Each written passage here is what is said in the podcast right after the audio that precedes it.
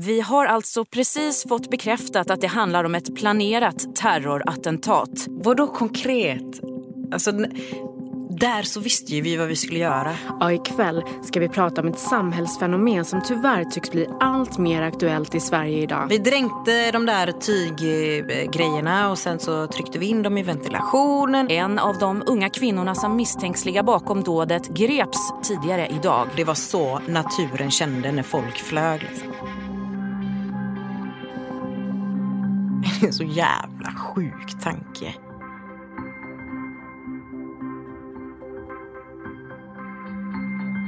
Du lyssnar på Tystad. En dokumentärserie i åtta delar om Elise Björk och Arlanda-attentatet.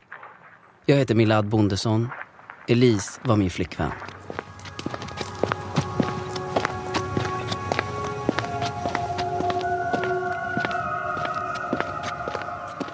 Jag släpptes ur häktet torsdagen den 9 maj 2019. När jag kom ut i solen var det som att mötas av en vägg av försommar. Himlen var klarblå. Det såg ut som en reklambild för Sverige. Det luktade varm asfalt och gräs. Jag hade inte varit utomhus på fem dagar.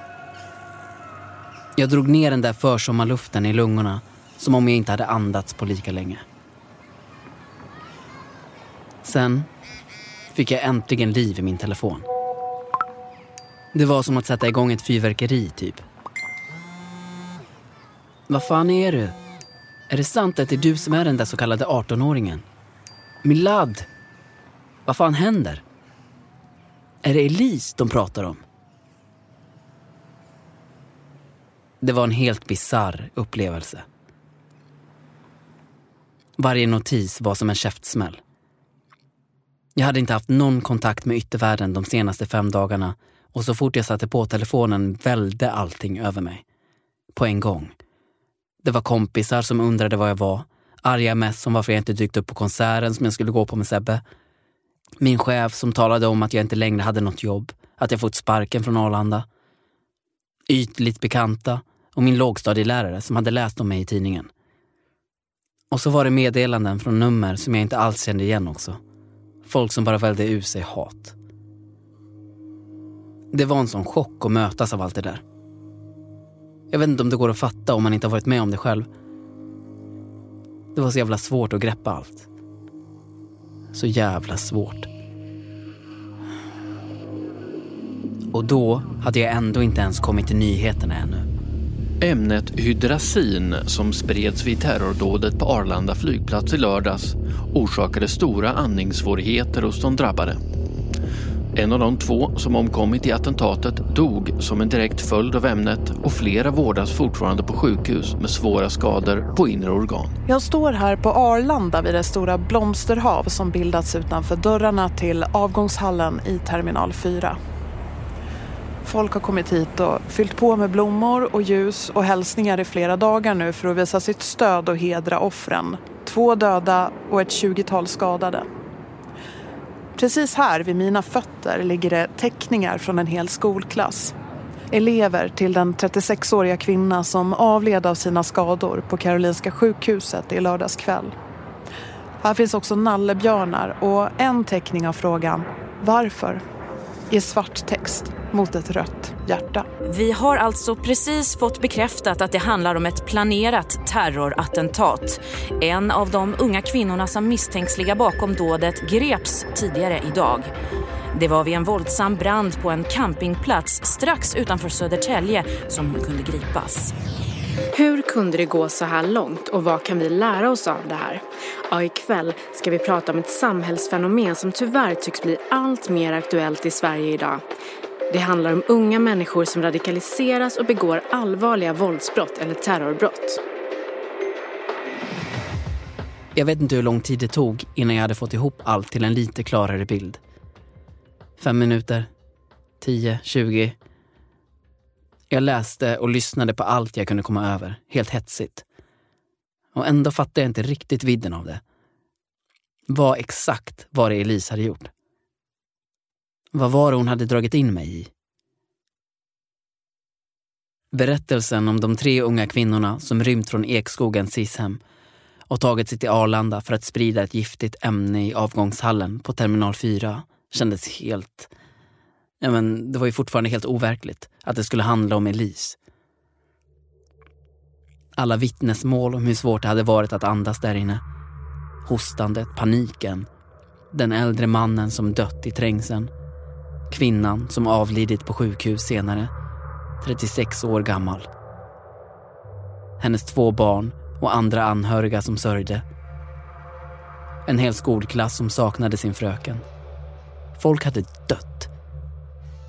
Det hovrade helikoptrar som en jävla actionfilm över den där campingplatsen på bilderna. Polisen sökte med alla resurser efter tjejen som jag var ihop med i tre år.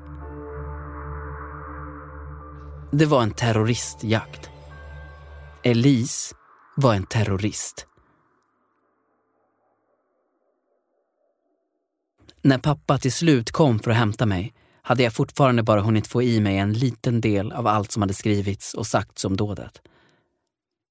Men en sak hade jag hunnit fatta klart och tydligt. Jag hade bara varit inlåst i fem dagar, men under den tiden hade precis allt ändrats även för mig. Ditt jävla as. Du borde dö där inne. Var det verkligen så, Milad? Var det ditt passerkort de gick in med? Var du med på det här? Du är fan inte min vän längre. Det finns en sann historia om en kvinna som en dag skrev ett skämt i en tweet. Steg på ett flygplan och stängde av telefonen. Några timmar senare, när kvinnan kom fram och satte på sin telefon igen, insåg hon att tweeten hade hunnit missförstås, blivit viral och orsakat totalt kaos i hennes liv. Under de timmarna hon ovetande satt på flyget hade hon förlorat allt. Sitt jobb, sitt anseende, sin familj, typ. Fattar ni vidden av allt som hinner hända på fem dygn? Jag kanske klev in i polisbilen den där lördagen som Milad. Men när jag kom ut ur häktet fem dagar senare var jag någon helt annan i omvärldens ögon.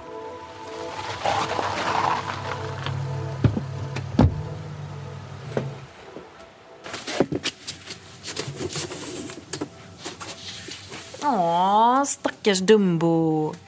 Var det lite jobbigt för dig då? Det här är Sanna Karlsson igen. I en intervju som jag gjorde långt senare. Nästan ett år efter allt hände. För dig. För dig var det jobbigt. Sanna har gått med på att träffa mig av samma anledning som jag vill göra den här dokumentären, tror jag. Hon ser det som en chans att bredda bilden och ge sin version av vad som hände. Hur det verkligen var. Så ärligt, Milad. Hon ger inte jättemycket för min snyfthistoria, som hon kallar den. Du kan inte prata om att det är synd om dig allt det här. Det släpptes ju! Men vi, vi som var inblandade på riktigt. Har det någonsin slagit dig hur det var för oss? Sanna Karlsson greps på morgonen den 5 maj, dagen efter attentatet på Arlanda. Polisen spårade tjejerna till Södertälje och när det började brinna på en campingplats i närheten kunde de gripa en av dem. Jag har tittat på nyhetsklippen från den där dagen fler gånger än vad som är rimligt. Mot skenet av lågorna från en husvagn som brinner i bakgrunden kan man på en skakig mobilfilm se en ung kvinna fösas in i en polisbil. Det är Sanna. Vid gripandet hade det gått knappt ett dygn sedan hon syntes på övervakningskamerorna inne på Arlanda när hon droppar indränkta klädesplagg i papperskorgar i avgångshallen. På filmen ser man också hur Sanna manar på de andra två att ta sig ut från flygplatsen strax innan paniken sprids bland resenärerna. Det är hon som håller upp dörren för Elise och Marilyn. Och trots att filmen inte har något ljud kan man se hur de vrålar åt dem. Med tanke på att hon var dömd för mordbrand var blickarna som vändes mot Sanna i samband med att hon greps rätt skoningslösa. Fast alltså, det förvånade väl ingen. Det var ju som vanligt typ. Allt var mitt fel, precis allt. Det var fucking alltid så, hundra procent av tiden i mitt liv, att jag fick ta all skit. Det här är några av de grejer som skrevs om Sanna då. i samband med gripandet. Jag läser högt från Flashback. Jag har fattat det som att hon brände upp hela sin familj som barn. Helt fucking gränslös. Psykopat. Utvisning. Blattebrudar som gör en sån sak kan göra vad som helst. Vi kanske ska vara glada att hon inte brände upp hela Arlanda. Hon var ledaren i gänget, den drivande bakom alltihop. Mycket av det var fake news rakt av. Det där med att Sanna skulle vara en blattebrud till exempel, var fan kom det ifrån? Det var så typiskt rastarna på Flashback och anta det, bara för att hon har gjort något kriminellt. Men det var så det var. Folk fick för sig grejer och spred dem som sanningar. Och Sanna var en tacksam måltavla. Så det är så klassiskt. En gång dömd, alltid dömd liksom. Vadå, du tänkte ju också så ju. Sluta, fan, du behöver inte ens försöka förneka. Du var, du var ju själv helt jävla säker på att det var jag som låg bakom alltihop. Du, fan, du också, att jag typ hade lurat med mig Elise. Att hon hade dragits in i allt det här på grund av mig typ. Men erkänn! Äh, du behöver inte. Men fan bryr sig, jag är van. Ända sen jag gick på dagis. De, alltså de andra föräldrarna har alltid blivit skiträdda när jag skulle följa med deras unge hem. För att så här leka. Alla har alltid tänkt att jag är det dåliga sällskapet. Det gjorde du också. Det är klart som fan att det är jävla Sanna som har tänkt ut ett terrorattentat, lurat med sig min lilla älskling. Dumbo, se inte så skamsen ut. Jag vet det här. Men det måste varit svårt för dig sen att erkänna att det var på grund av mig som du släpptes.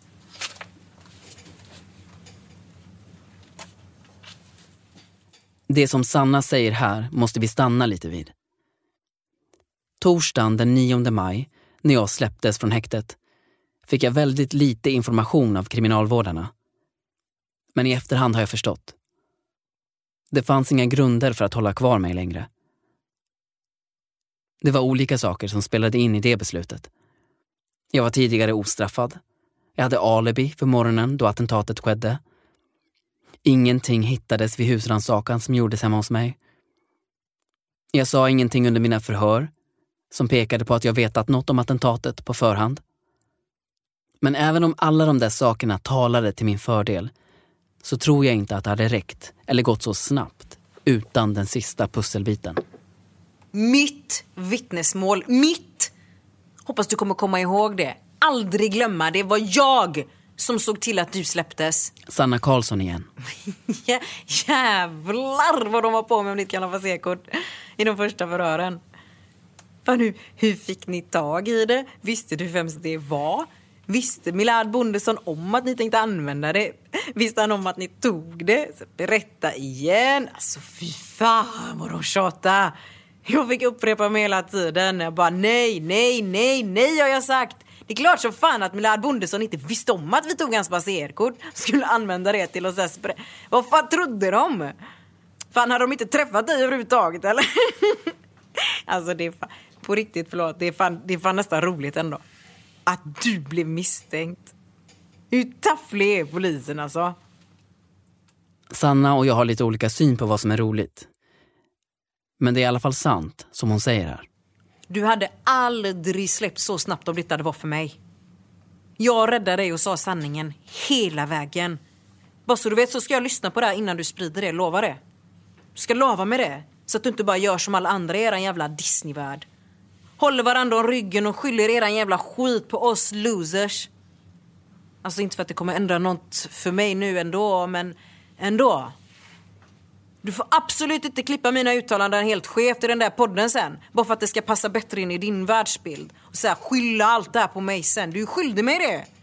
Det var jag som räddade dig. Och det, det var inte jag som drev på det som hände på Arlanda.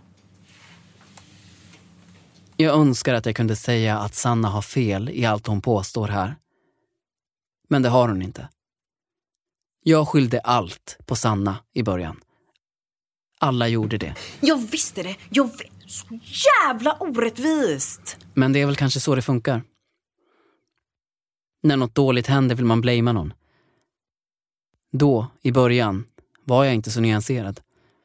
Jag ville bara desperat ha en förklaring. Och någon att lägga skulden på. Någon som i mina ögon faktiskt skulle kunna vara kapabel att ligga bakom attentatet. Fy fan, jag är så jävla trött på det här! Jag kunde inte få in i mitt huvud att det kunde vara på något annat sätt. Om det nu var så att de här tre tonårstjejerna hade gjort allt det här sjuka. Om de hade tagit död på två personer i ett attentat på Arlanda, då måste det ju vara Sanna som... Det måste det ju vara. Hon var den av de tre misstänkta som hade mest skit i bagaget. Och hade dödat förut. Varken Elise eller Marilyn hade någonsin gjort något som ens varit i närheten. Sanna var den enda av de tre som hade det i sig. Så tänkte jag. Så tänkte alla. Folk är såna jävla as. Ja, men alltså du fattar. Du fattar ändå att vi behövde någon att skylla på. Men nej. Eller jo, eller ja. Behövde du det? Ja. Och vem, vem skyllde du på? Elise såklart. Fast alltså, det var inte så att jag skyllde på henne bara för att ha någon att skylla på. Det var ju det var ju för att det var hon, det var ju hon. Det är när Sanna grips som bilden av vad som hände på Arlanda sakta börjar klarna för polisen. Och det är så småningom Sannas ord som gör att bilden av Elise som hjärnan bakom alltihop får fäste. Elise pekas ut som ledaren. Sanna och Marilyn som medhjälparna. Alltså när polisen tog mig, jag, jag sa som det var. Jag har hela tiden sagt som det var. Jag har fan inte ljugit en enda gång i ett jävla förhör. Och då måste jag dra det igen, du vet ju. Alla har hört det här redan tusen gånger. Jag sa att det var Elise idé. Det var hon som började snacka om Arlanda och klimatet, flyget, allt det där. Du vet ju allt, du vet ju det redan. Hon höll fan aldrig i käften om det. Hon kunde bli förbannad typ bara ett för flygplan flög över ekskogen och så här börja skrika om att de jävlarna där uppe ska så här smaka på sin egen medicin. Och sen upptäckte hon det där giftet då. Så här på en kemilektion när vi på att blanda massa olika grejer och på. Hon fick värsta hostattacken av ångorna här i klassrummet. Och då fick hon idén då. Hon tyckte den var helt perfekt. Det var liksom den känslan hon ville åt. För att, för att hon sa så att ja, det var så naturen kände när folk flög. Liksom. Fan alltså, det, det är en så jävla sjuk tanke. Men, alltså, men ärligt, alltså det var på kul. Men det var inte på, all, alltså, det var inte på allvar i alla fall. Eller? Det, ble, alltså, det blev ju det. Men det var inte meningen från början att det skulle bli så. Alltså så här, Elise la ner skit mycket tid på att tänka ut allting. Eller så här, vad ska man säga, den här planen då. Hon var, hon var helt desperat och var inlåst. Hon ville väl ha något att tänka på. Och sen behövde hon ju oss allihopa för att kunna genomföra skiten. Och då sen var... Jag tror inte att du fattar hur jävla frustrerande det är att vara inlåst så här. Det var, det var ju för fan inte meningen att det skulle bli så allvarligt då! Och det här, som Sanna Karlsson säger nu, är viktigt. Det var ju fan aldrig meningen att folk skulle dö, fattar du väl? Hallå? Dumbo? Titta på mig! Säg inte nu att du också tvivlar på det. Att, att du av alla jävla människor har börjat tvivla på det. Alltså jag har sagt det så många gånger. Okej? Okay.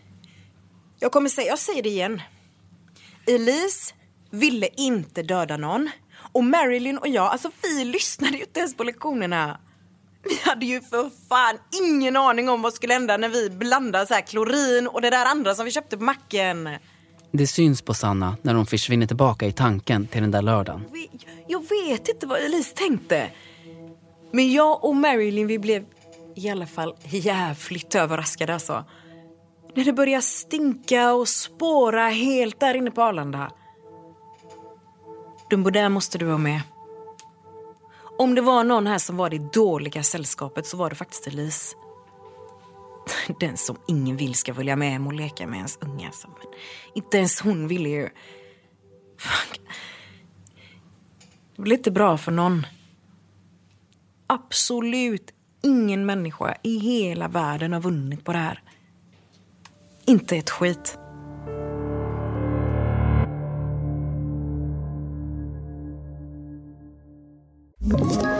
Ett poddtips från Podplay. I fallen jag aldrig glömmer djupdyker Hasse Aro i arbetet bakom några av Sveriges mest uppseendeväckande brottsutredningar. Går vi in med hemlig telefonavlyssning och, och då upplever vi att vi får en total förändring av hans beteende. Vad är det som händer nu? Vem är det som läcker? Och så säger han att jag är kriminell, jag har varit kriminell i hela mitt liv men att mörda ett barn, där går min gräns. Nya säsongen av Fallen jag aldrig glömmer på Podplay. Ända sedan Sanna greps har hon i förhör och intervjuer hävdat samma sak. Det var inte meningen att det skulle bli så allvarligt. Det var ett misstag att folk dog. Elise ville göra en protestaktion för att lära flygresenärerna en läxa. Sanna och Marilyn hakade på, men det märks på hennes sätt att uttrycka sig att hon har sagt det många gånger. Varken jag, Marilyn eller Elise hade tänkt att det kunde gå så illa med den där gasen. Eller ånger kanske det kallas. Ingen av oss hade räknat med att folk på flygplatsen skulle vara så jäkla överspända och få så mycket panik. Alltså det var ju inte det som var meningen. Men polisen och rätten har inte köpt den förklaringen. Inte fullt ut i alla fall. Och själv vet jag ärligt inte vad jag ska tro. Jag var där. Det var inte du. Du kan, bara, du kan till exempel tro på mig bara. Jag kan lova dig, det finns inga terrorister i hela världen som beter sig som vi gjorde. Vadå, hur... Hur menar du? Ja men alltså hela dygnet. Du vet när vi flydde. Det var ju alltså för, det var ju som en jävla dålig komedi. Sannas berättelse om vad som hände efter attentatet är också tänkt som något slags bevis för att de inte menade allvar, tror jag.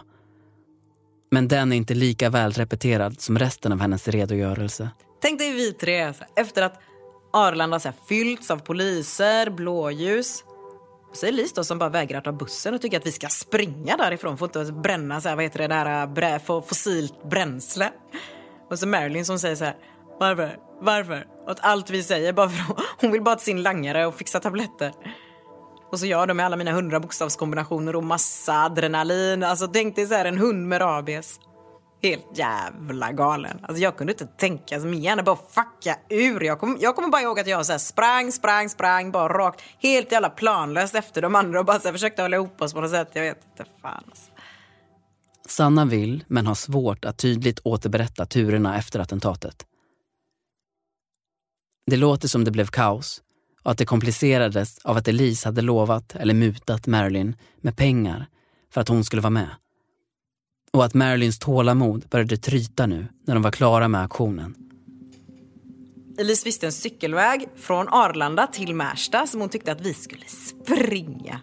Alltså, och Marilyn, hon flåsade bakom henne som en jävla flodhäst i sina Uggs. Och så jag efter dem och vrålar för att jag, jag var helt skakig, nojig så jag trodde att polisen var efter oss hela tiden. Så, vad fan hade vi gjort alltså? När jag frågar Sanna vem av de tre som hade kommandot de där timmarna efter attentatet Alltså, kan hon inte riktigt svara. vi var ju rätt panikslagna allihop. Alltså, vi hade ju... Vi hade ju sett... Alltså, alltså, vi såg ju inte allt som hände på flygplatsen direkt. Alltså, vi stack ju. Och vi hann ju... Alltså, okej, lite hann vi se. Vi var ju... Eller, jag, hade i alla fall panik. Alltså, vart fan skulle vi ta vägen? Vart, fan, vad fan skulle hända nu? Och sen... Så när vi kom till Märsta då, då fick Marilyn med oss där uppe på pendeln för hon var så jävla trött och arg då där så hon hotade med att tjalla om inte vi åkte raka vägen till hennes knarkkontakter knarkkontakt i Södertälje då. Eller eh, alltså jag ville väldigt gärna åka pendel då för jag tyckte såklart allt var bättre än att hålla på och gå hela tiden. Så det var jävligt nice att också komma så långt bort från Arlanda då som man bara kan typ med SL. Man kan ju bara åka rakt så. Och Elisa hade något snack med om att tåg släppte ut mindre kol, någonting, någonting, jag vet inte, och en bussar och bilar. Så att då fick vi med henne på det också då till slut. Så att Elise var ju också sjukt förvirrad och höll på, höll på, höll på. Så att kanske det var Marilyn som hade kommandot då faktiskt. Att, att hon var liksom hjärnan nu. I alla fall sen när vi kom till Södertälje. Då bara gick hon så som en robot. Hon bara gick rakt in på en sån här sunkak. Rakt in på en sån här pub, du vet. Vid stationen där. Så kom ut med så här, en, två, tre, fyra plånböcker. En iPhone på bara så några minuter. Och det ändrade ju allting kan man säga då. Vad menar du? Nej men när vi fick ju pengar och så kunde vi... Plus att det var då också vi började fatta på allvar. Så när vi fick igång den här telefonen, det var då, då började vi inse vad vi hade gjort. Alltså. Och att den här gubben hade dött. Alltså du vet, det var så många viljor, det var så rörigt, så många känslor. Och... Jag till exempel blir alltid sjukt, sjukt, sjukt extremt sockersugen efter jag har haft ett adrenalinpåslag. Det var, så, det var så jävla länge sedan jag hade haft permission och så gick vi förbi så här, du vet, så här, konditori, du vet, så här fint med såna där tårtor, inte sån skit som Anna-Lena bakar på Ekskogen. Så här sylt, vaniljkräm, fruktig gelé och du vet sån här snygg lockig grädde och marsipan. Elise blev fan nästan helt jävla galen när jag sa att jag skulle gå in och köpa den här tårtan. Du vet, hon börjar så här. Oj då, oj då. Grädde, mjölkindustri, växthusgaser, lammen hoppar på ängen och fåret har inte fått amma sin mamma, jag vet inte vad. Du vet, jag bara tänkte så här. Vill du verkligen ha det här bråket nu? Ska vi, ska vi ha det här bråket nu? Du vet, vi stod, vi stod där, vi var så helt fucked up och börjat fatta, sjunka in vad fan vi har gjort. Alltså vi så, så nära. För en jävla tårta var vi tvungna var vi nära att flyga på varandra. Så, så, så nära så. Jag slog henne på käften nästan. Sen kom vi ut till campingen då, då där Marilyns kontakt bodde. Jag hade ändå fått med mig en tårta. Då, alltså, då började vi på riktigt känna hur jävla trötta vi var. Alltså. Det var så tyst ute på campingen. Tomt. Det bodde inte många där på våren och det, det var bara lugnt. Några spridda husvagnar, husbilar. Och tårtan var skitgod. Kolla. Jag satte mig så här i gräset. Så åt jag den så här med händerna så här. Jag var så hungrig. Lis grät, minns jag. Hon satt med händerna runt sina knän som vaggade som ett jävla freak. Hon hade köpt någon grönslemmig smoothie som hon inte rörde för den smakade skit. Och Marilyn var i någon husbil längre bort köpte gräs och tabletter antar jag. Vi var väl, alltså vi var inte jättebra på att fly, så kan vi säga. Det fanns ingen plan och ingen som bestämde, ingen struktur. Det fanns bara kaos. Jag kommer ihåg att jag torkade av händerna mot gräset för att få bort grädden från fingrarna och så här fick gräsfläckar i handflatan. Och... Det slår mig att de låter som tre småtjejer när Sanna berättar. Elise var inte särskilt van vid att röra sig själv utanför Sigtuna. Och de andra två, de hade ju bott inlåsta i flera år. De kände knappt varann. Och ingen av dem hade en plan. Det är stor skillnad mot hur det låter när Sanna ska berätta om själva attentatet och vad som hände inne på Arlanda.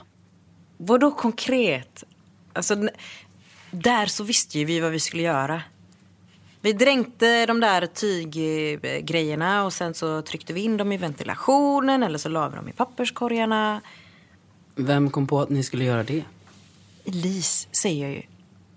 Elise kom på allt. Flygbladen? Elise? Flygbladen som spreds inne på Arlanda efter attentatet hade Elise handstil. Den kände jag igen direkt. Och budskapet. Jag läser högt här. Hur känns det? Svårt att andas? Skyll er själva. Flyget släpper ut 74 000 gånger mer koldioxid än tåget. Vi måste minska vårt flygande om vi ska ha en chans. Flygbladen var ännu ett skäl till att Elise pekades ut som hjärnan bakom attentatet. Det råder ingen tvekan om att det är hon som skrivit dem. Men jag frågar Sanna ändå. Ja, det var Elise. Och eh, passerkortet? Det var Elise, min ladd. Allt var Elise. Det har gått nästan ett år sedan attentatet på Arlanda. Rapporteringen i media har varit enorm. I början var det just såna här konkreta saker som folk fokuserade på. Vilka utförde attentatet? Och vad var det egentligen de hade gjort? Men ju mer tid som gått, desto mer har det där breddats. Nu handlar inte tidningsartiklarna och tv-programmen om exakt vad som hände längre. Nu handlar det mer om varför.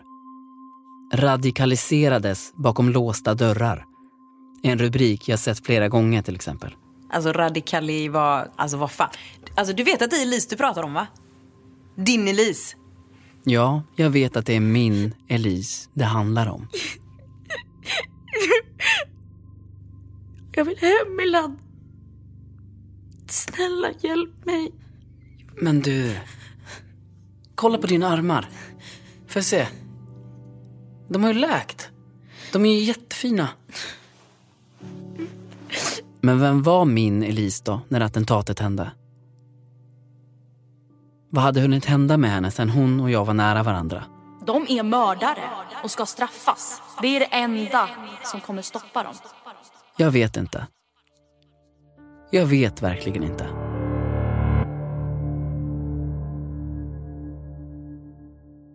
Ett poddtips från Podplay. I podden Något Kaiko garanterar östgötarna Brutti och jag, Davva, dig en stor dos skratt. Där följer jag pladask för köttätandet igen. Man är lite som en jävla vampyr. Man har fått lite blodsmak och då måste man ha mer. Udda spaningar, fängslande anekdoter och en och annan arg rant. Jag måste ha mitt kaffe på morgonen för annars är jag ingen trevlig människa. Då är du ingen trevlig människa, punkt. Något Kaiko, hör du på Podplay. Därför är gardinerna. I en tidningsartikel om radikalisering som jag hittat på SVT Nyheter står det att det finns fyra steg i radikaliseringsprocessen. Preradikalisering, identifikation, indoktrinering och handlande. Nu läser jag högt. Under preradikaliseringsfasen kommer personen för första gången i kontakt med sin tro eller nya idévärld. Det kan ske egenhändigt genom internet eller genom introduktion till ett nytt sammanhang av en annan person. Under identifikationsfasen börjar personen isolera sig från sitt gamla umgänge för att istället tillbringa mer tid med personer ur den radikala rörelsen. Gäller det egenradikaliserade personer sluter de sig istället i ensamhet. I det här skedet lär sig personen mer om ideologin, accepterar dess ståndpunkter och är nu benägen, men inte redo, att genomföra en terrorattack. Under indoktrineringsfasen tar förberedelser vid. Eventuella resor till träningsläger äger rum. En ensam gärningsman rekognoserar tänkbara mål. Personen är nu övertygad om att i framtiden genomföra en attack. I handlandefasen förbereder personen i praktisk mening en förestående attack och är nu besluten att agera.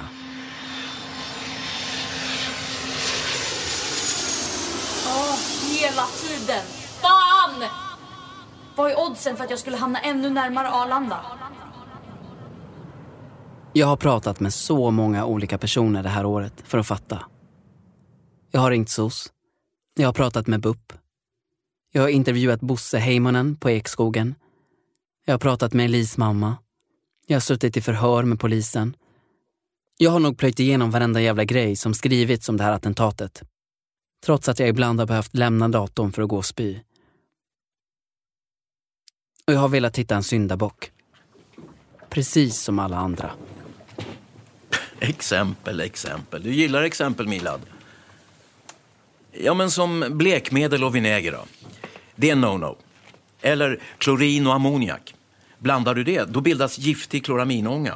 Och om man dubblar mängden ammoniak, ja då bildas hydrazin. Och det är både giftigt och explosivt.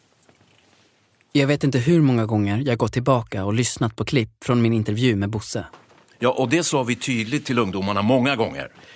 Det här testar vi bara här i klassrummet med korrekt skyddsutrustning på lektionerna. Jag har varit så fruktansvärt arg på honom. På hela SIS-hemmet. Men... eh, Det är väldigt lätt att kritisera SIS så fort något går fel. om någon eller några som bott hos oss begår något brott sen. Fast alla vet att ungdomarna varit på glid långt, långt innan de kommer till oss.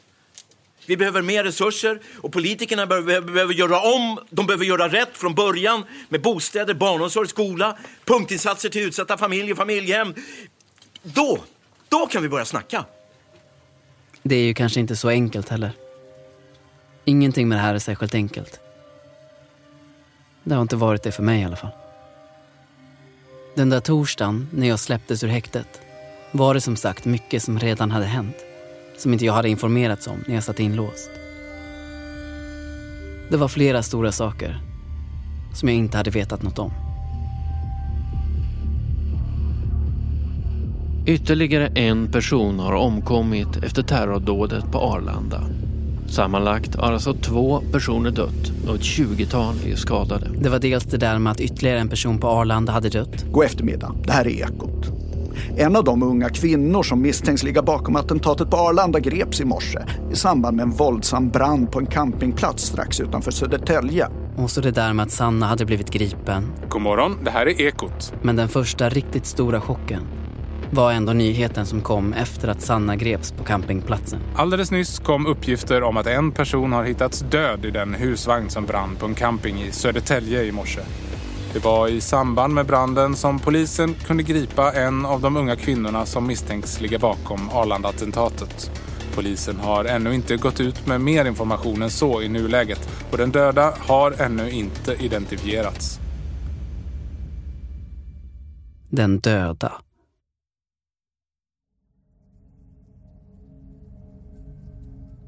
När jag kom så långt var det som att världen omkring mig fullständigt blekna. Jag såg absolut ingenting av den där försommarhimlen längre. Jag hörde inte en enda jävla fågel. Det blev bara tomt. Det fanns bara två personer jag såg framför mig när jag tänkte på branden i den där husvagnen. Jag fattade ju att den döda kroppen måste tillhöra en av dem. Det var antingen Marilyn som dött där inne. Eller Elise.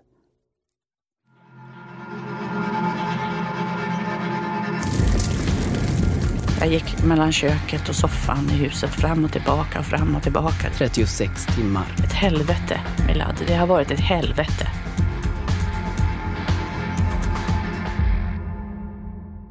Du har hört sjätte delen i min serie om Elise Björk och Arlanda-attentatet. Jag heter Milad Bondesson.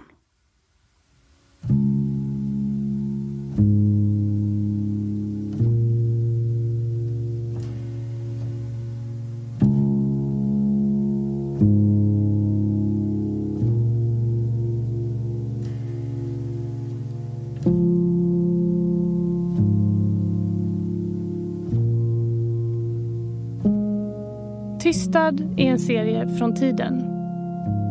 Manus Åsa Anderberg Strollo och Lisa Bjärbo. Regi Åsa Anderberg Strollo, Lisa Bjärbo och Klara Gustafsson. I rollen som Milad hörde du Kristoffer Lehmann, Elise, Mira Mitchell, Karin, Cecilia Nilsson, Sanna, Siam Shurafa och Bosse, Thomas Nordström. I övriga roller Ella Schattner, Viktor Åkerblom, Andreas Kundler, Tove Edfeldt, My Holmsten, Erika Bjurling, Gustav Edman, Lars Truedsson, Josefin Karlsson, Henrik Berg, Erik Thorsson, Eva-Lisa Wallin, Åsa Anderberg Strollo, Sara Dobare, Olle Lidbom, Lisa Lindberg, Jenny Edjansen och Hugo Kalm. Tystad inspelad hos Storytel Production 2020. Klippning, ljuddesign och slutmix Tommy Jönsson.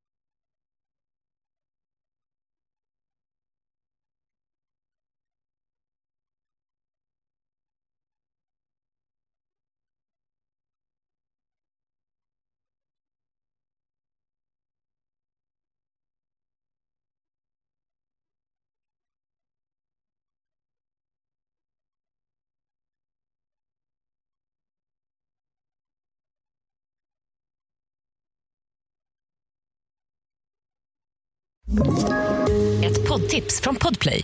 I podden Något Kaiko garanterar östgötarna Brutti och jag, Davva, dig en stor dos skratt. Där följer jag pladask för köttätandet igen. Man är lite som en jävla vampyr. Man har fått lite blodsmak och då måste man ha mer.